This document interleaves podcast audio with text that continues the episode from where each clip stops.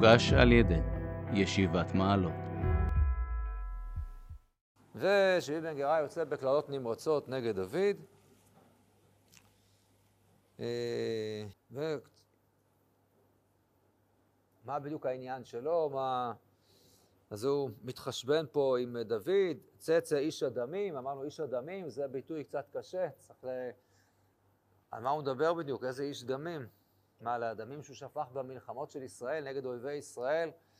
זה ודאי לא שייך להגיד על זה, לקרוא לו איש הדמים, כן? אז למה הוא מתכוון? אז נצטרך עוד לראות את הדבר הזה. ואומר לו, השיב עליך השם כל דמי בית שאול אשר מלכת תחתיו, ותן לשבת המלוכה ביד אבשלום בניך, הנך ברעתך. אז אמרנו שאולי גם לשבעי בן גרה יש לו את האינטרס שלו בסיפור הזה. לא שהוא אמור לעודד את אבשלום בדיוק, אלא ששבעי בן גרה עצמו הוא ממשפחת בית שאול, אז uh, יש בעיה ברמקול, לא עובד או לא עובד? מי יודע? נמשיך, נמשיך, מה יכול להיות?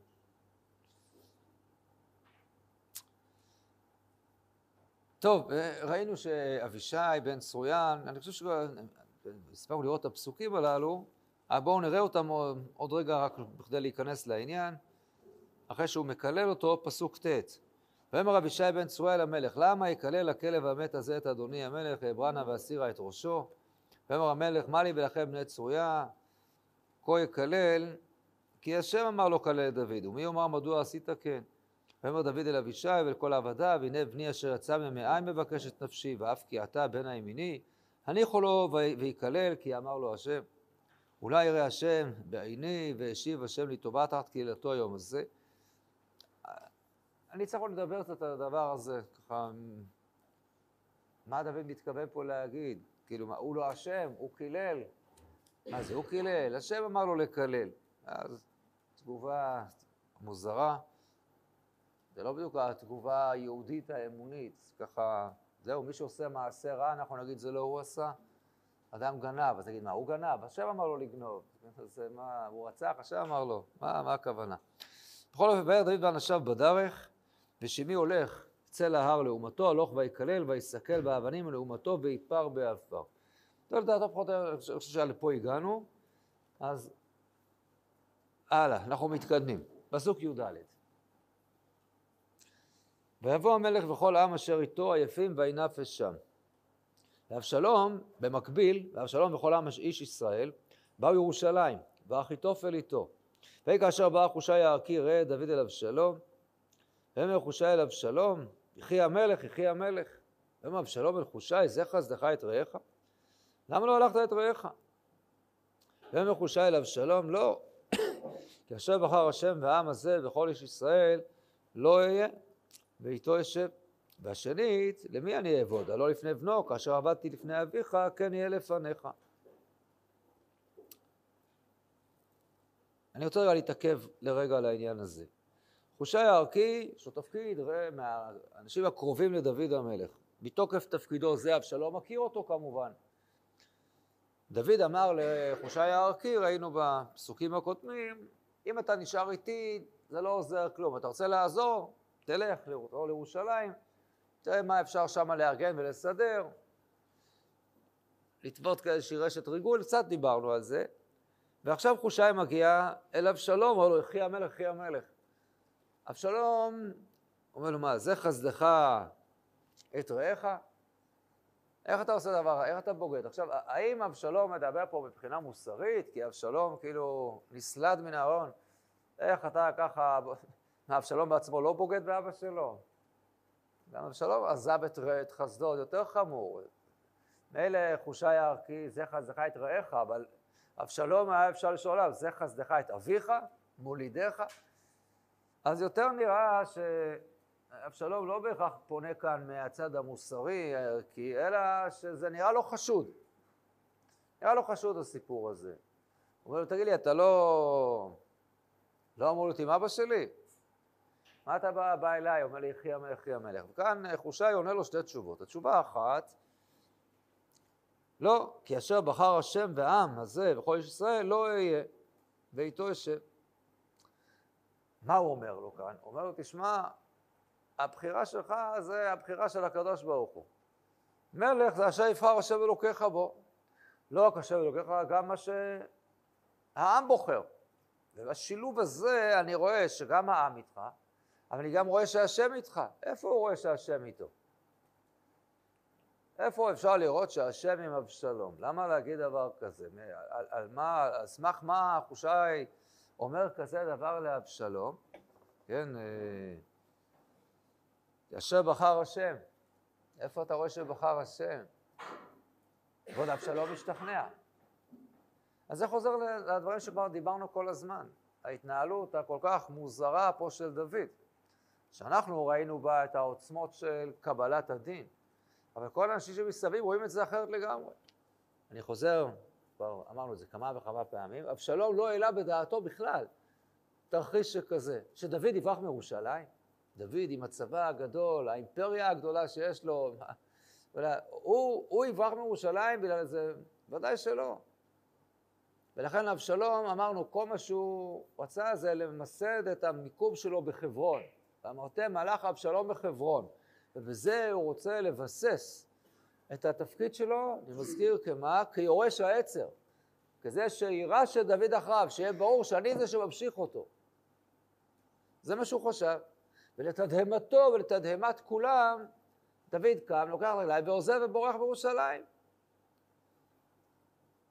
וזה דבר שהוא לחלוטין לא הגיוני ולא סביר, וכל הגיבורים כולנו הולכים איתו, והעם הולך איתו, והוא בוכה, והולך מה... אומר, אה, כן, כן, אה, אז, אז אומר חושיה, כאילו, אתה רואה שזה משהו אלוקי. הקדוש ברוך הוא בעצם הסיר פה את דוד מעל הכיסא, והוא מפנה את הכיסא לך. לאבשלום משתכנע שזה אכן כך. אבל לאבשלום יש גם, יש לו ככה הרבה אה, תרעומת על דוד, שוב, על כל הניהול הכושל מבחינתו של דוד, את הפרשה של אמנון ותמר. כשדוד לא, לא עשה שום דבר, ובסוף מי שנאלץ לפעול זה היה אבשלום בעצמו, ובעקבות הדבר הזה הוא נאלץ אחר כך לגלות, וכשדוד מחזיר אותו, עד שהוא מחזיר אותו זה לוקח זמן, ואחר כך כשהוא מחזיר אותו כבר לירושלים, אז את פני המלך הוא לא יכול לראות, רק עוד תקופה עוברת, כשיואב כבר מגיע, ואחר כך אז לאבשלום יש כעס על ההתנהלות של דוד, ויכול להיות שהוא, נוח לו להשתכנע שאכן ההתנהלות של דוד לא הייתה בסדר. ככה נוהג מלך? היה נוהג מלך, מה, הוא לא מגיב? סיפור נורא כל כך שקורה, שמה שעשה אמנון לאחותו, והוא לא מגיב. אז אנחנו ראינו צד הזכות של דוד, קבלת הדין שלו והתשובה שלו, שהוא מרגיש תשובה מוסרית, הוא לא יכול להעיר הערות למישהו אחר, מה, מה, מה אני אגיד לאמנון שהוא עשה? מה אני עשיתי? זה יותר טוב עם כל ההצדקות. אבל אבשלום בהחלט יכול לראות את זה, הנה, תראו מה קרה. הסיפור, מה שאבא שלי חטא עם בת שבע, ואז הבן שלו מת. הבן של אבא שלי מת מאותו סיפור, וזה עונש משמיים. ואחר כך הוא לא, בגלל הדבר הזה הוא גם לא, הוא מפסיק להתנהל כמלך, הוא לא מנהל את המלכות. ואבשלום יודע, אתם זוכרים, ראינו את סיפור המשפט, איך אבשלום הולך ועושה לו שם את הפריימריז שלו. כי הוא רואה שאבא שלו כבר לא שולט. ולכן עכשיו, כשבא חושב אומר לו, הקדוש ברוך הוא, בעצם, אני רואה שהוא בחר בך, אז הוא שמח להשתכנע. כי דוד ברח, פינה את המקום, ומי שעושה סדר זה אני. אז זו היה... אז אבשלום שמח על התשובה הזאת של חושי הריד. התשובה השנייה היא יותר קשה להבנה אולי. מה אומר לו נימוק שני? אז שוב נחזור לפסוק י"ט. והשנית, תשובה שנייה, למי אני אעבוד? הלא לפני בנו, כאשר עבדתי לפני אביך, כן יהיה לפניך. מה, איזה מין תשובה זאת? זה לא נשמע סביר, כן? זה לא ככה, אה, זהו, זה... מה הבעיה? אני, כמו שעבדתי את האבא, אני עכשיו עובד את הבן, זה המשך ישיר. זה המשך ישיר? זה לא המשך ישיר. אתה מדיח את האבא. כן, אם אה, אדם, אה, ככה, אני יודע, יש מישהו שהוא מנהל סופר, עשרות שנים, יש לו עובד, הרבה שנים איתו. ואחר כך העובד קם והורג את בעל הבית, וכשמגיע הבן של בעל הבית, הוא אומר לו, אה, או, אתה הבוס שלי עכשיו. הוא אומר, מה? לא, כמו שעבדתי אצל אבא שלו, עכשיו אני אעבוד אצלך. המשך טבעי, לא? מה, מה, מה יותר הגיוני מזה? זה לא ככה. אם אבא היה יוצא לפנסיה, אם דוד היה יוצא לגמלאות בנחת, ועכשיו אבשלום ממשיך אותו, אז בוודאי שהגיוני.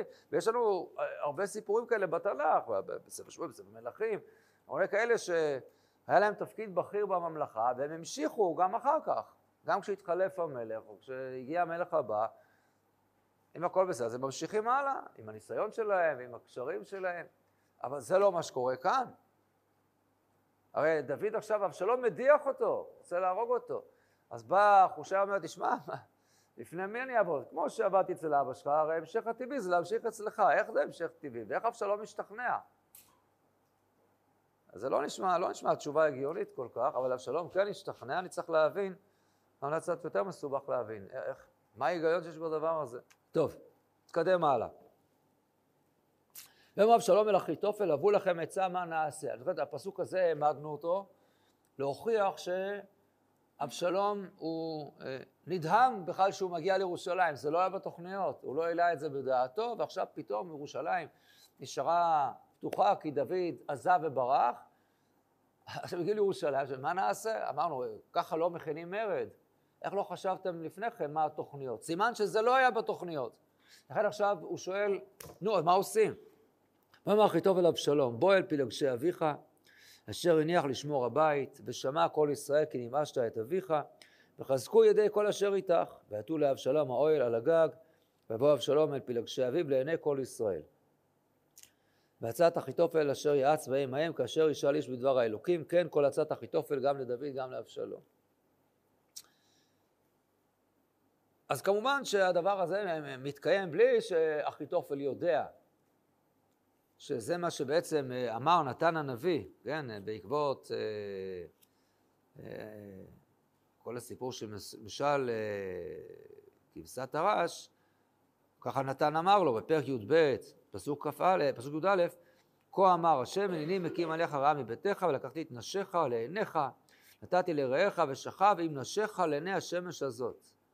כי אתה עשית וסתר ואני אעשה את הדבר הזה נגד כל ישראל ונגד השמש והנה זה כאן מתקיים, אבל אחיתופל לא עושה את זה בגלל שהוא בא לקיים את מצוות הנביא, הוא לא יודע. אבל אחיתופל נתן עצה נכונה, רעה מאוד מבחינת טוב ורע, אבל עצה חכמה ונבונה מבחינתו של אבשלום, ובוודאי שהדבר הזה הוא כמובן אה, מבאיש את, אה, את אביו, בעיני כל ישראל, באמת זה ביזיון גדול לעשות דבר כזה, כלומר המשמעות היא שהוא הוא, הוא כבר לא מלך, גמרנו, מי מי לעשות דבר כזה? וכמובן שכל אחד רואה ומבין שכשכתוב פה ועטות לשוב האוהל על הגג, הגג בה"א הידיעה, זה כמובן אותו הגג שמה? אותו הגג ששם דוד הסתובב על הגג, ומהגג הוא ראה את בת שבע רוחצת, כן? שוב אני מזכיר, לא שבת שבע, כן, אה, רחצה על הגג, אלא דוד, או ארמון המלוכה הוא הגבוה ביותר בעיר, דוד נמצא על הגג, הוא הסתובב לו על הגג, ממילא הוא ראה מעל הקירות, מעל החומות, מעל החצר, ראה את אה, בת שבע למטה בחצר, לכן הוא ראה אותה.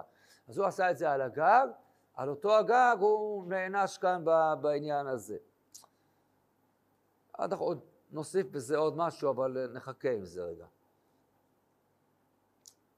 פרק י"ז ויאמר אחיטוב אל אבשלום, שנים עשר אלף איש ואקומה ורדפה אחרי דוד הלילה. ואבוא עליו והוא יגע ורפה ידיים, ואחרדתי אותו, ונס כל העם אשר איתו, והכיתי את המלך לבדו. ואשיבה כל העם אליך, קשוב הכל, האיש אשר אתה מבקש, כל העם יהיה שלום. וישר הדבר בעיני אבשלום ובעיני כל זקני ישראל.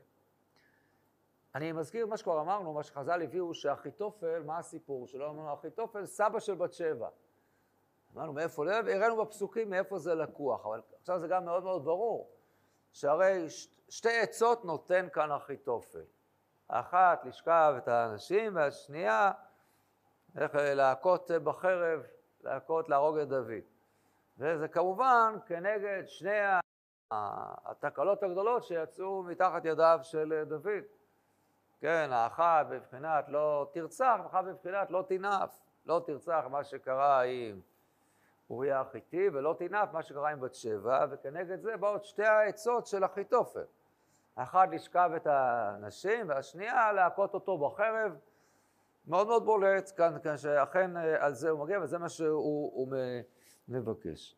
וזה מה שכאן אחיתופל נתן.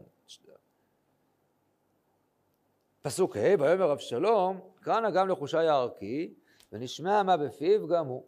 ויאמר חושי אל אבשלום, ויאמר אבשלום אליו לאמור, כדבר הזה דיבר אחיתופל הנעשה את דברו, אם אין, אתה דבר. ויאמר חושי אל אבשלום, לא טובה העצה אשר יעץ אחיתופל בפעם הזאת. ויאמר חושי, אתה ידעת את אביך ואת אנשיו, כי גיבורים המה, ומרי נפש המה, כדוב שקול בשדה. ואביך איש מלחמה, ולא ילין את העם. הנה אתה הוא נחבא באחת הפחתים, או באחד המקומות. והכנפול בהם בתחילה, ושמע השומע ואמר, הייתה מגפה בעם אחרי אשר, אשר אחרי אבשלום. והוא גם בן חיל, אשר ליבו כלב האריה, היא מאסימס, כי יודע כל ישראל, כי גיבור אביך ובני חיל אשר איתו. תיעצתי יאסוף יאסף עליך כל ישראל מדן ועד באר שבע, באר שבע, ככל אשר על הים לרוב, ופניך הולכים בקרב. ובאנו אליו באחד המקומות אשר נמצא שם, ונחנו עליו, כאשר יפול הטל על האדמה, ולא הותר בו, וכל האנשים אשר איתו גם אחד. ואם אל עיר יאסף, והסירו כל ישראל אל העיר ההיא חבלים, וסחבנו אותו עד הנחל, עד אשר לא ימצא שם גם צרור. ויאמר רב שלום וכל איש ישראל, טובה עצת חושי הערכים מעצת אחיתופל, והשם ציווה להפר עצת אחיתופל הטובה, לבעבור אבי השם אל אבשלום את הרעה. נעצור כאן. אמ, יש כאן משהו מוזר בהתנהלות. אחיתופל נותן עצה ראשונה, מה לעשות עם אנשים, ומיד אבשלום מקבל את העצה הזאת. והפסוק מעיד לנו שעצת אחיתופל, או בימים ההם, כאשר ישאל איש בדבר האלוקים. אה, הוא יודע מה. אז הוא מביא, נותן עצה שנייה.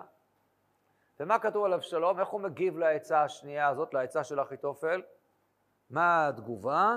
פסוק ד' וישר הדבר בעיני אבשלום ובעיני כל זקני ישראל. ואז בהפתעה, ואמר אבשלום, קרא גם לחושי הערכי, שהיה גם בפיו, בפיו, גם הוא. מה קרה? למה, למה צריך עוד עצה? שמעת עצה. העצה הראשונה שנתן אחיתופל, לא ביקשת עוד אה, חוות דעת נוספת, נכון? קיבלת את זה. עכשיו אחיתופל נותן עוד עצה. אז אם היית אומר שאבשלום שמע את העצה והוא מסופק קצת, אז אני מבין למה הוא מבקש עוד עצה, עוד דעה. אבל כתוב, העצה היא כמובן טובה מאוד. מבחינתו של אה, אבשלום, זה דבר מאוד מאוד חזק, נגדיר אותה. אבל לא רק אנחנו אומרים את זה, אלא הפסוקים אומרים, הנביא אומר, וישר הדבר בעיני אבשלום ובעיני כל זקני ישראל. אם היה כתוב וישר הדבר בעיני אבשלום, ובעיני הזקנים פחות, אז אני מבין. או להפך, שהיה שם איזשהו ספק, אז אני מבין למה הוא מבקש דעה שנייה. אבל זה לא כך. זה לא ככה, זה לא מה שכתוב. אז כמובן שאפשר ליישב את זה במה שראינו בסוף, בסוף, בפסוק י"ד, והשם ציווה להפר את זאת אחיתופל הטובה. מה הכוונה השם ציווה להפר? אז זהו, אז עכשיו אבשלום איבד לגמרי את הבחירה החופשית שלו, ואף אחד לא מבין כלום, והוא עכשיו עובד בחוסר היגיון. אז אם הקדוש ברוך הוא יתערב בצורה כזאת, היה אפשר בכלל את כל הסיפור לגמור יותר מהר. כן. ותיפול אבן מאחת החומות, ותפגע באבשלום, ונשאר לו רק הקוקו מכל התספורת הגדולה הזאת שלו. היה אפשר לחסוך לו את המצב הזה שהוא היה באלה, שמצבו היה תלוי. כן. אפשר. ומה, הקדוש ברוך הוא לא משנה פה את הכל עכשיו באיזה סדרים שיוצאים מעדרי הטבע. הקדוש ברוך הוא עשה פה משהו בצורה טבעית, שאפשר בחירה לאבשלום, משהו בסוף התגלגל על הצורה הזאת. מה? מה קרה? מה, מה השתנה כאן? אז אני רוצה, אני אביא את זה בתוספת, אבל אני רוצה להגיד גרעין משהו מאוד מאוד יפה, שאת חציו כבר הבאתי בשם הרב בויר, ואמרתי שנביא גם את חלק השני. מזמור בתהילים, נאמר בדיוק על הסיטואציה כאן עכשיו. תהילים, פרק ג' מזמור לדוד בבורכו מפני אבשלום לו. השם הרבו צריי, רבים קמים עליי, רבים אומרים נפשי, כל, כל ה... לא, לא, לא נסביר כל המזמור, בדיוק איך הוא כרגע אה, קשור, מה זה ויעני מהר קודשו סלע, מה זה הר קודשו, מה זה שם, איך הכל פה, אבל אני רוצה להקריא להם את רש"י בפתיחה. מביא רש"י, פה בתהילים, מזמור לדוד בבורכו, אומר רש"י, הרבה דרשות דרשו בני אגדה בדבר. הרבה דרשות. ורבותינו אמרו, מי שאמר לו הנביא, הנני מקים עליך רעה מתוך ביתך, זה מה שאמר לו נתן הנביא, אחרי שהוא אמר לו אתה האיש, אמר לו הנני מקים עליך רעה מתוך ביתך, היה ליבו סוער. דוד נסער מהבשורה הנוראית הזאת. שמא עבד או ממזר יקום עליי, שאינו מרחם עליי. כיוון שידע שבנו שמח. הקדוש ברוך הוא אמר לו, אני מקים עליך רעה מביתך. מביתך יכול להיות כל מיני אנשים. אוי ואבוי, אולי איזה עבד, ממזר, הוא לא ירחם עליי. זה הבן שלו, זה אה, ברוך השם, הבן שלי, הוא מרחם עליי. לכן, הוא שמח. פירוש שני, הוא מדרש אגדה, על שראה תכסיסו קיימת, שהיו עבדיו והכרתי והפליטי, שהם סנהדרין, מחזיקים אדנותו עליהם. כשאמר להם, קומו ונברחה מפני אבשלום, מה כתיב שם? כל שיבחר אדוני המלך, הנה עבדיך. כלומר, ועל זה עמדנו כבר, זו ההברקה היפה של הרב בויר, גם הרחבנו בה, שדוד אומר, קומו ונברחה, ומה אומרים לו אנשיו? כאשר, יבחר, אדוני, ראינו שזה אותו שור, אותם אותיות, יש שם משחק במשך הרבה מאוד פסוקים באותיות הללו, כן? חברון, ובחורים, ובחרה, והרבה זה ככה מסתובב שם הסיפור הזה. דוד כביכול בורח, אבל עבדיו לא רואים בזה בריחה, אלא רואים בזה פקודה מלכותית, עדיין אדנותו עליהם, כמו שאומר רש"י. כאשר יבחר אדוני המלך, הם עומדים שם כולם לפניו, אומרים לו, אדוני המלך, הולכים מזרחה עכשיו לירדן, אנחנו איתך. כן. אז אה, דוד ברח, חשב שהוא בורח, מתברר שעדיין ידעותו. אז זה, את הפירוש הזה, הארכנו והסברנו. אבל הפירוש הראשון, שרש"י מביא, מאוד קשה. ברור מה הציק לרש"י. השאלה הברורה היא, יש לך סיטואציה יותר קשה לאדם מאשר זה שבנו אשר יוצא מאב מורד בו וקם עליו להורגו? אז מה שייך להגיד במזמור, מזמור לדוד ובכל פני אבשלום בנו. איזה כיף. זהו, יש לשיר הזה מזמור טוב, ככה, אולי שירי דיכאון. אני לא חושב שזה עוד היה בז'אנר ככה של uh, תהילים, ככה ספרי, שירי דיכאון שכאלה. על מה אתה שר? על מה אתה שמח? לכן אומר רש"י, יש הרבה אגדות בדבר הזה, הרבה מדרשים, ומכל האגדות, מכל אומר רש"י, בוחר שני הסברים. האחד, מה שראינו קודם, כשאמר לו הנביא, הנה ימקים עליך רע בתור ביתך, אמר דוד ליבו סוער, אמר שם העבד שם ממזר שלא מרחם עליי. כיוון שראה שזה בנו, שמח, אז אמר, לכן הוא יכול להגיד מזמור. הפירוש השני, שראה שחשב שהוא בורח, ראה שמלכותו, אדנותו עדיין קיימת, אז עדיין, אז הוא שמח. אז הפירוש השני אמרנו, אפשר, יפה, אפשר להבין אותו. עדיין אדנותו קיימת. אבל הפירוש הראשון, אי אפשר להבין את זה. מה, זה באמת כך? תארו לכם, אומרים, אומרים לבן אדם, עכשיו עומד לקרות לך אסון, מישהו מתוך ביתך, מה, עומד עכשיו לעשות לך דבר איום ונורא. אז אם זה איזה אחד המשרתים הקטנים, איזה אדם מנוול כזה שמנסה את ההזדמנות, זה כואב. עבדת אצלי, פרנסתי אותך, זה... אבל תארו לכם שזה לא אלא, זה אחד המשרתים היותר נאמנים לו. אז זה כמובן עוד יותר, הכאב הוא יותר גדול. ובטח ובטח אם זה אחד מקרובי המשפחה שלו. לא לכם, זה קרוב משפחה שלו אפילו, וואו, איזה... אז זה יותר נורא. הכי נורא שיכול להיות, שמישהו הולך לעשות לך את זה, זה הבן שלך. אז איזה מין מלחמה, אתה תמיד שמח. אומר, אם זה היה איזה עבד או ממזר, או הוא פחד, וואי, אולי זה עבד או ממזר. אה, זה הבן שלי, ברוך השם, ברוך השם. הבן שלי. זה, זה לא הגיוני. זה היה שפך ההיגיון. אבל גם אם ננסה לראות, רש"י הרי נותן נימוק. למה דוד שמח שזה הבן שלו? רש"י מנמק. מה רש"י מנמק? כי מה? היה ליבו סוער, שמא עבד או ממזר יקום עליי שאינו מרחם עליי. כיוון שידע שבנו הוא שמח. למה? כי הוא מבין שהבן שלו כנראה מה? רחם עליו. תנחומים של הבל, הוא אומר, ניחם דוד את עצמו. זה לא נכון, זה לא קרה. אבשלום לא ריחם עליו. ממש לא ריחם עליו, הוא יצא למלחמה נגדו, ואסף את כל נגדו, ויצא להרוג את אבא שלו. ואין שום, שום ספק שאם הוא היה מצליח, וזה, אז זה מה שהוא רצה. גם הדיח אותו ממלכותו, ניסה, וכמובן גם להרוג אותו, אחרי מה שהוא עשה לאנשים שלו. איפה, איזה רחמים יש כאן? אז, אז, אז זה ממש לא מובן ההסבר הזה. כאילו, דוד שמח כי זה הבן שלי. אז זה כשלעצמו אמרנו הפך ההיגיון, וחוץ מזה גם התקווה שהייתה לדוד שאולי הוא מרחם עליו, לכאורה תקוות שווא שלא התקיימה ולא התרחשה בכלל. אז זה באמת דבר מאוד מאוד מוזר. אבל עוד נחזור לרש"י, לשם.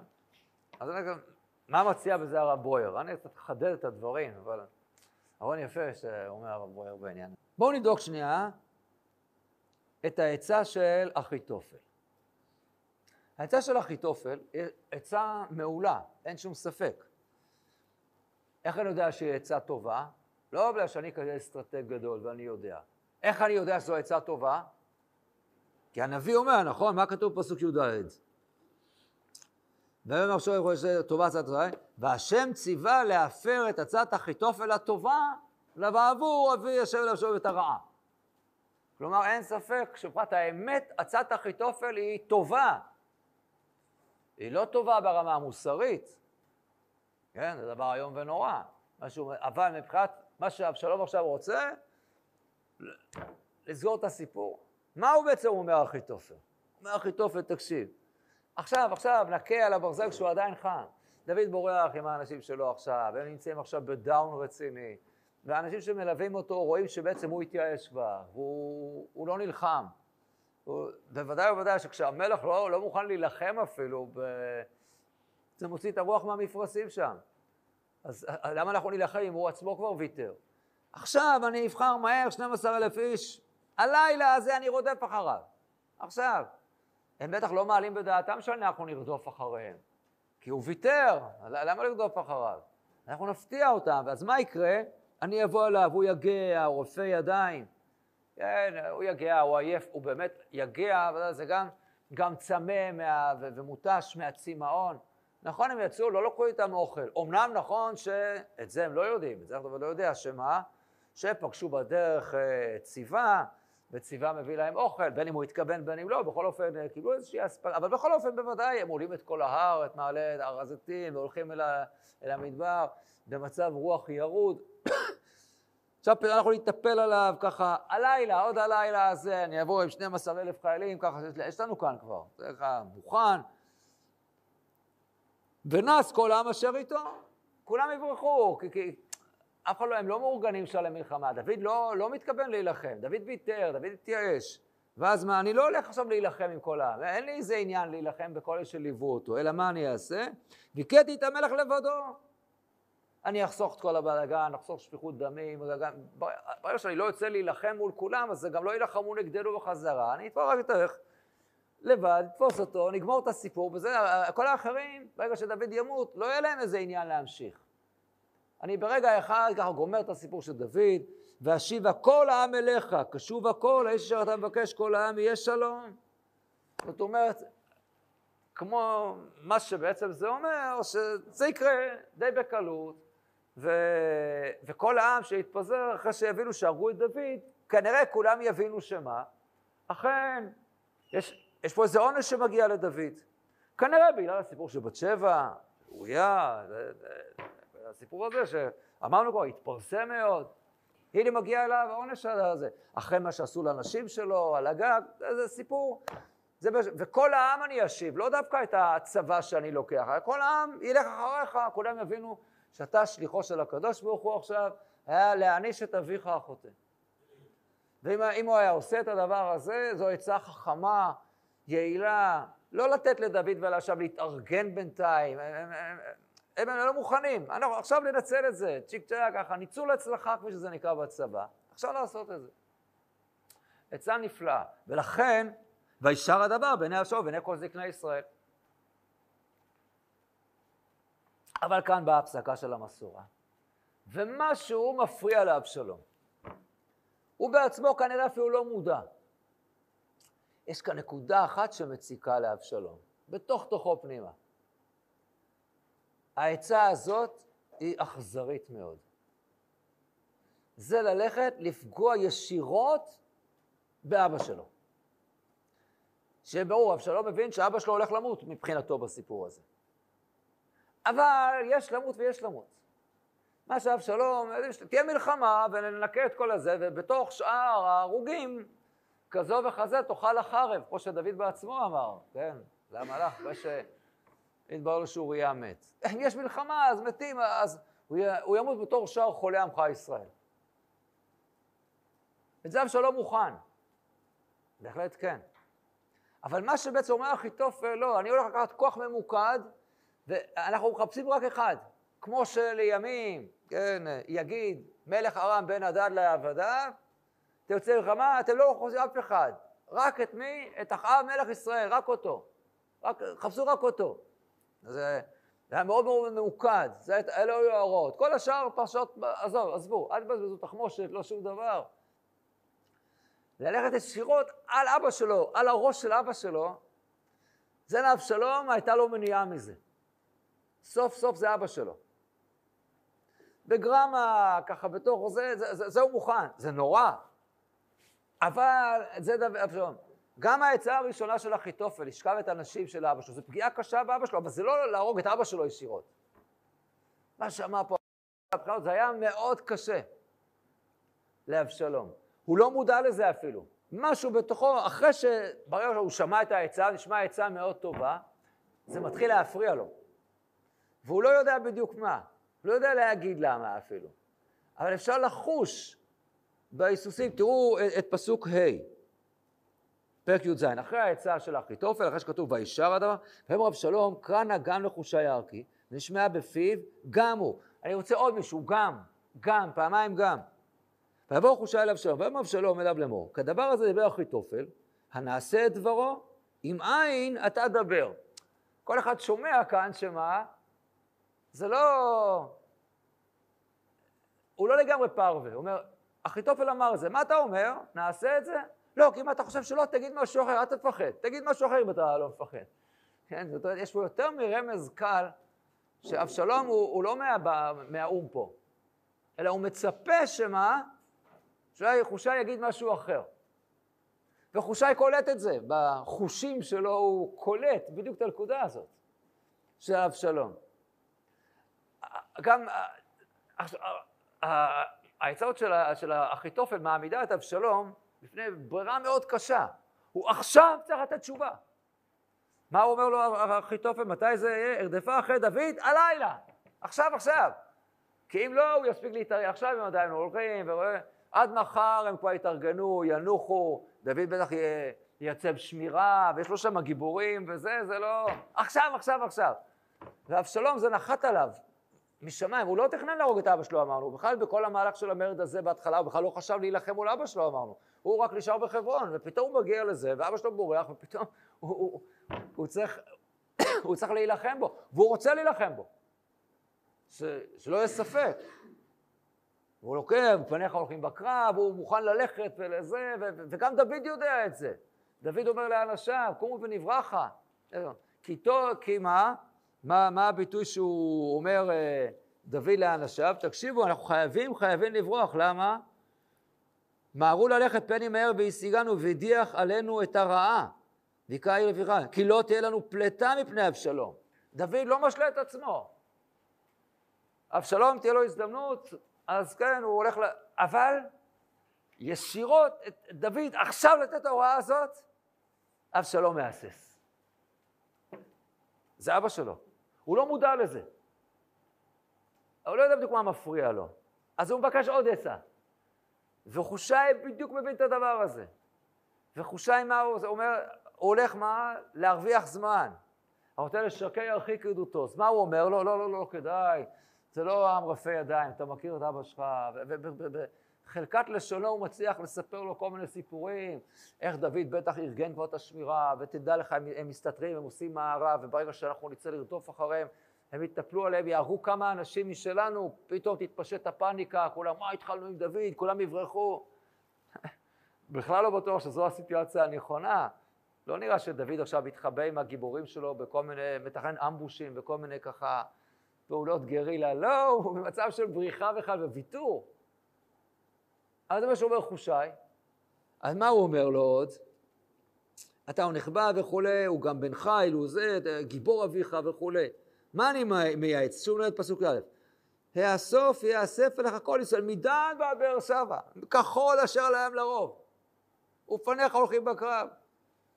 מה הכוונה? אני עכשיו אשלח שליחים, ומה? אסוף צבא גדול, כל ישראל, מדן ועד באר שבע, אתה מבין? שזה ייקח קצת זמן. כן, עם דואר ישראל, זה היה לוקח, דואר ישראל של אז, כאן היה לוקח, אז זה השליחים, עד שעושים עכשיו את כל ישראל, מדן ועד באר שבע, כאלה, זה ייקח כמה ימים טובים, ככה, ואז אנחנו נלך, ומה, ומה נעשה? ובאנו אליו אחד המקומות שנמצא, ואנחנו כאשר יפולתה ולא נותר בו בכל אנשים אשר איתו גם אחד. ואם אל עיר יאסף ויסיעו כל ישראל לעיר, אי חוואים, סחבנו אותו עד הנחש, או יוצא שם גם צור כלבה. אני לא הולך להתמקד רק בו בדוד, הוא והאנשים אשר איתו. אני הולך לקחת צער גדול וזה, ואנחנו כולנו נבוא וככה. הכמות תהפך לאיכות, ולאט לאט אנחנו ככה נהרוג, ככה נהרוג את כולם. זה בדיוק מה שאבשלום רצה. הוא לא היה מודע לזה. אז זה משחרר ממנו את הלחץ הזה. אני לא צריך כבר הלילה לתת הוראה, לתת צו מוות לאבא שלי, פקודת מוות. וגם, זה לא עכשיו אמבוש ישירות על הראש של אבא שלי. ברור שגם לפי דוד אמור להיהרג פה בקרב, אבל זה אחרת לגמרי, זה לא אותו דבר. ומה הכריע את זה? למה, למה, ולכן זו המשמעות שהשם ציווה להפר את אחיתופל. המשמעות היא שהוא נתן חוכמה לחושי הערכי לתת אפשרות טובה, סולם לאבשלום לרדת. אבל אבשלום בחר. ולמה אבשלום בחר בדבר הזה? למה אבשלום שמע להצעת חושי ולא להצעת אחיתופל? לא בגלל שהקדוש ברוך הוא הכניס לו איזה שבב אה, אלקטרוני למוח ועכשיו נתן לו את הבחירה. אתם יודעים למה אבשלום בסופו של דבר לא קיבל את הצעת אחיתופל? אמרנו את זה. למה הוא לא קיבל? והלך על חושת ארכה, חושה, הצעת חושי הערכי, שהפכה בסוף למלכודת מוות לאבשלום, ובעקבות זה הוא נהרג. למה? כי בסוף, בסוף, בסוף, זה היה הבן שלו, הבן של דוד. אם היה שם עבד או ממזר, מה היה עושה העבד והממזר? מה היה אומר לחושי הערכי? יאללה חביבים, כל המשחקים האלה, שטויות. עכשיו, עכשיו הולכים להרוג אותו עוד את המוח. איפה עכשיו, איזה לב אריה, איזה דוב שקול. הם עכשיו, תראה, הם הולכים ובוכים, דוד הולך יחף ובוכה, וראש לא חפוי, מה, מה אתה עושה לי עכשיו, זה סיירת גולני עכשיו שם, אתה חושב? זה נראה יותר כמו משמר של, אתה יודע, משמר המלכה הסקוטי, עם החללים האלה, שזה נשמע כמו לוויה אחת גדולה. זה ככה הם נראים. זה לא רוצה, כמו שאף אחד לא נפגע פה. זה מה שהיה אומר אם היה איזה עבד או ממזר. זה העומק בדברי דוד. כשאמר לו, הנני מקים עליך רע מתוך ביתך, ברור שזה דבר נורא. אבל היה ליבו אמר, אולי עבד או ממזר. כיוון שהוא שומע, הם לא ירחמו עליי. כיוון שהבן שלו שמח. אז ראינו מה, הבן שלו מרחם עליו? לא שהוא הפך להיות שיא הרחמנות. אבל בסוף, בגלל שזה היה הבן שלו, ויש נקודה, אפילו אצל אבשלום, רחמנות על אבא שלו. כי אבא שלו אוהב אותו, ואבשלום יודע שאבא שלו אוהב אותו, עם כל הכעס וכל הטינה וכל המסע הכבד שיש בליבו של אבשלום לאבא שלו, אבל הוא, יש לו בטח גם עוד זיכרונות טובים. כל השנים שהוא היה עם אבא שלו, ואיך הוא התנהג אליו, ואיך הוא פינק אותו, הוא, זה אבא שלו, הוא רוצה אותו. זה בסוף מה שאמר דוד, באמת, אז, אז... ולכן היה, היה שמח, ובסוף דוד צדק. כי זה שבסוף זה היה הבן שלו, זה מה שהציל את דוד בסוף. אז רש"י מכל שלל הפירושים שאומר, יש הרבה פירושים, כי זה באמת קשה, מה זה מזמור? הביא שני פירושים. האחד, בגלל שזה הבן שלו, והשני, ש... על זה שהוא ברח, אבל הוא לא ברח, אלא שהוא בחר, וראינו את המשחק הזה. אומר רבו, תראו איזה יופי, למה רש"י בחר את שני הפירושים האלה? הוא אומר שם הרבה פירושים. למה? ש... כי מה הכותרת של המזמור? מזמור לדוד, מה? בבורכו מפני אבשלום, מה? בנו. איזה יופי. שתי המילים, בבורכו, לכן רש"י הביא את הפירוש של בבורכו וקומו ונברחה, ובואה הבריחה שהיא בעצם בחירה, והמילה השנייה היא אבשלום בנו. בנו, אה, אז היה עניין בזה שזה היה בנו.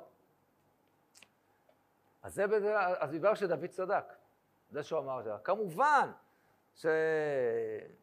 שהסיטואציה היא קשה ביותר, אין שום ספק. כמה זה נורא מה שקורה כאן לדוד, וזה עונש חמור מה שקורה לו. אבל בתוך הדין יש פה חסד שבדין עם דוד. ויש משהו שבסוף נשאר, שזה היה הבן שלו ולא עבד ולא ממזר. ולכן זה קרה בסופו של דבר בצורה הזאת, שהשם יכול היה להפר את עצת אחיתופל הטובה. ונתן לו לבחור את העצה של חושי הערכי. זה אולי גם מה שאומר חושי הערכי, מה ששאלנו קודם, כשהוא מנסה לשכנע את אבשלום, והשנית, אומר לו, לפני מי, את מי אני אעבוד עכשיו? אני את הבן שלו עובד, כמו שעבדתי אותו, עכשיו אני עובד את הבן שלו. אמרנו, הרי זה לא בדיוק, אתה מדיח את הבן שלו. אך חושי הערכי ידע בדיוק לגעת בנקודה של אבשלום. אבשלום, עם כל זה שהוא רואה באבא שלו, וזהו, ללכת ראש בראש מול אבא שלו, היה לו מאוד קשה, לא פשוט. עם כל אה, זה שבסוף הוא כן מוכן ללכת להרוג אותו, זה לא בא לו בקלות. אז בתחילה הוא אומר לו חושי הערכי, זה עונש לאבא שלך מה שקורה, זה עונש אלוקי. אני רואה, מה שקורה פה זה התנהלות לא נורמלית. משהו פה לא יכול להיות. יכול להיות שאבא שלך ברח והשאירו לך את הכל ואתה מקבל ככה את ירושלים על מגש של כסף? אף אויב וכל האויבים שנלחמו עם דוד, אף אחד לא חלם להגיע למציאות כזאת. שהוא יצליח להבריח את המלך דוד הגיבור ועם ה... עם שרי הצבא שלו, עם בני צרויה, ועם כל ה... עם בני בן יהוידע, עם כל ה... איך, מה, את כל. להבריח אותו מהארמון בירושלים בלי לראות ירייה אחת? מי מעלה זה בדעתו? תראו לו חושה, אתה רואה? זה, אני רואה, זה, זה בחירה של הקדוש ברוך הוא. וחוץ מזה תדע לך שאבא שלך בטח בתוך תוכו ישמח על זה. כיוון שאבא שלך מבין שהוא הודח, אז אבא שלך בטח בתוכו שמח. שאם כבר, אז מי שימשיך אותו זה הבן שלו. אז לכן, אני עושה את הדבר הזה גם בשביל להמשיך את אבא שלך. אז אבא שלך אומנם נענש וזה, זה הכל נכון. אבל הוא בתוכו בוודאי שמח שכבר יכול היה להעניש אותו, כמו שקרה לשאול. שאול הודח, ובסוף, טוב, אז יש תשבושת, זה היה איזה מין תקלה עוברת, אבל יורש העצר לא המשיך אותו, יונתן לא המשיך אותו. השושלת אה, עוברת למקום אחר, לשבט אחר. אז בעצם אומר לו חושי לאבשלום, תדע לך, אני יודע שאני... אתה מדיח את אבא שלך. אבל זה, כיוון שזה הקדוש ברוך הוא עושה את זה, ואבא שלך קיבל את זה עליו, אני רוצה להגיד לך שבטח תהיה לו נחמה אחת קטנה בכל הסיפור הזה. שמי שבכל אופן מחליף אותו זה אתה, הבן שלו. ואתה ממשיך אותו, ולכן אין דבר יותר טבעי מזה שאני אמשיך, כמו שעבדתי עם אבא שלך, אני אמשיך איתך. והדברים האלה נופלים אל ליבו של אבשלום, ככה מתפרץ לדלת פתוחה. כמה אבשלום שמח לשמוע את זה. ובתוך תוכו זה מרגיע אותו. יש לו כנראה לא מעט נקיפות מצפון וסימני שאלה על המהלך הזה. שפתאום הוא מרגיש שהוא מתגלגל בצורה שהוא כבר מאבד שליטה. שוב אני אומר, הוא, הוא לא העלה בדעתו מראש שהוא הולך עד לשם. להדיח בפועל את אבא שלי, עכשיו בחייו, להרוג אותו. אבל דוד עשה את המהלך המוזר הזה במשחק, ושינה את כל הכללים כשהוא פתאום ברח, אז אבשלום מגיע לירושלים, ועכשיו מבינים ש... רגע, זה, זה אמור להיות עכשיו על חזור. כל עוד דוד הוא נמצא מבחינתו של אבשלום, אז זה איום עכשיו. עכשיו, לכן הוא אומר אחיתופל עכשיו, עכשיו תגדע את זה, תגדע את זה, ועכשיו אבשלום מוכן וזה, אבל עוד יש בתוך תוכו משהו שמתקשה להכיל את זה. והחושי הערכי, בחוכמה שלו, הוא היה אדם חכם מאוד, הוא היה היועץ הקרוב של דוד, ראה דוד, אז תארים לעצמנו ש... כן, זה לא איזה יועץ תקשורת כזה, שרק אמר לו דוד איך להצטלם. הוא אומר כל פעם, תצבע מחדש את הג'ינג'י, כי הצבע הלבן מתחיל להוריד לך בפוטוגניות. לא ברמה הזאת. הוא היה ראה דוד, זה היה באמת אדם חכם ונבון, ודוד לא כיועץ, אלא באמת גם חבר נפש של דוד. עד כדי כך שאבשלום אומר לו, זה חסדך את רעך, איך אתה עושה דבר כזה, איך אתה עוזב אותו? אז חושי באמת ידע לחוש כל כך נכון, הוא הכיר, הכיר את דוד, הכיר גם את אבשלום, כמו שאבשלום מכיר אותו. הוא הצליח להבין בדיוק לעומק, לחוש, ככה את, ה, את, ה, את הנקודות הללו העמוקות, הנסתרות מהעין, את הנימים העדינים האלה שעוברים מהלב אל המוח. ושם הוא ניגן לאבשלום. זה הרגיע את אבשלום. מה שאתה עושה זה בסדר, יש לך סייעתא דשמיא, ולא רק זה, האמת, בטח לאבא זה כואב, אבל, אבל אם ככה, אז, אז אבא שלך כבר היה מעדיף שזה יהיה ככה ולא בצורה אחרת. ואבשלום קונה את זה. וזה הדבר שרק מביא את חושי הערכי, והיכולת שלו לתת עכשיו את העצה שלו, שכל עניינה באמת ככה קצת להרחיק, להרחיק את אבשלום מההחלטה הקשה שהוא צריך כרגע להחליט וללכת ישירות על אבא שלי. אז זה עומק בדברי חז"ל, בפירוש של רש"י בתהילים, שני הפירושים שהוא הביא, שמחוברים כאן לעניין, ועל זה אכן אומר דוד מזור. והערה אחרונה בדבר הזה, הערה מאוד מאוד חשובה, שאומר הרב ברויר. כשדוד אמר את המזמור הזה, הוא עוד לא ידע שזה יקרה. הוא אמר את המזמור בבורכו מפני אבשלום לו. זה עדיין לא קרה. אז איך הוא כבר אומר מזמור? זו ההסתכלות העמוקה של צדיקים. שהחוכמה הגדולה שלהם, שהם מסוגלים לראות גם במציאות שעל פניה המציאות הזאת מאירה לנו מצב חשוך ביותר, מצב קשה ביותר, הם מבינים שבתוך החושך הזה יש שם האור. דווקא ממעמקים, משם קראתיך השם. זה לא חוכמה לשיר שיר לקדוש ברוך הוא אחרי שהוא עשה איתך נס ופלא. זה חשוב להודות להשם על הישועה. הרבה יותר מורכב זה לדעת לשיר להודות לקדוש ברוך הוא גם כשנראה לך שחייב אדם לברך על הרעה כשם שברך על הטובה. חייב אדם לשיר לקדוש ברוך הוא על הרעה כשם שהוא שר על הטובה. כי באמת לדעת, להאמין באמונה שלמה, שמה שהקדוש ברוך הוא מגלגל זה לטובתנו. אמר לו רעה מתוך ביתך.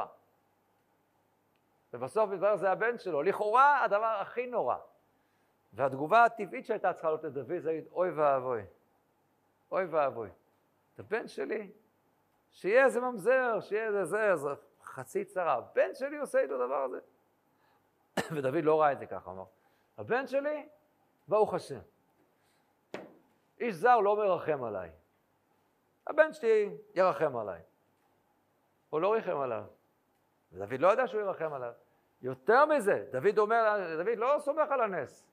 בוא נשב ככה, הכל בסדר, אבשלום הוא הבן שלי, לא יעשה לי כלום. לא, קומו ונברחה, לא תהיה לנו פלטה, הוא יודע את האמת, לא סומך על הנס. ועם כל זה, בתוך תוכו הוא אומר, זה הבן שלי, הוא ירחם עליי. לא יודע, דוד לא יודע איך, באיזה סיטואציה ומה... אני מקווה שהוא גיגל את זה שזה יהיה הבן שלי, יש פה משהו שהוא לטובה. אם אני עומד לברוח, בריחה נוראית, האנשים שלי רואים את זה אחרת, אז עוד לא נגמר שום דבר. למרות שאני עכשיו נמצא ממש בעיר של הבריחה. וזה רגע מתברר שעדיין האדנות שלי עליהם. כל אשר יבחר אדוני המלך, כפי שראינו, דייקנו בפסוקים. למרות שלכאורה באופן ריאלי, זה עכשיו נקודת השפל הגדולה ביותר. זה הרגע שהוא קם, ובניגוד לדעתם של כל אה, מקורביו, הוא אומר, יאללה, אנחנו בורחים. ובאותו רגע הוא אומר שירה. כי הבריחה הזאת היא בסוף תהיה בחירה. הוא עוד לא יודע, לא יודע שזה יקרה ככה, אבל זה מה שקרה. לא, זה כוח האמונה הגדול שיש לדוד המלך, והיכולת הזאת, בסיטואציה שכזאת, לומר שירה לקדוש ברוך הוא, זה כמובן דבר משמעותי מאוד מאוד. ומי שאומר שירה כזאת, אכן זוכה בסופו של דבר, שלשירה הזאת כמובן, יש לה גם כיסוי, וכידוע בסופו של דבר, המרד נגמר בצורה כזאת, שדוד, מלכותו לא נלקחה ממנו, ודווקא אבשלום הוא זה שמסיים את חייו, ודוד חוזר למלוך בירושלים. עד כאן להיום.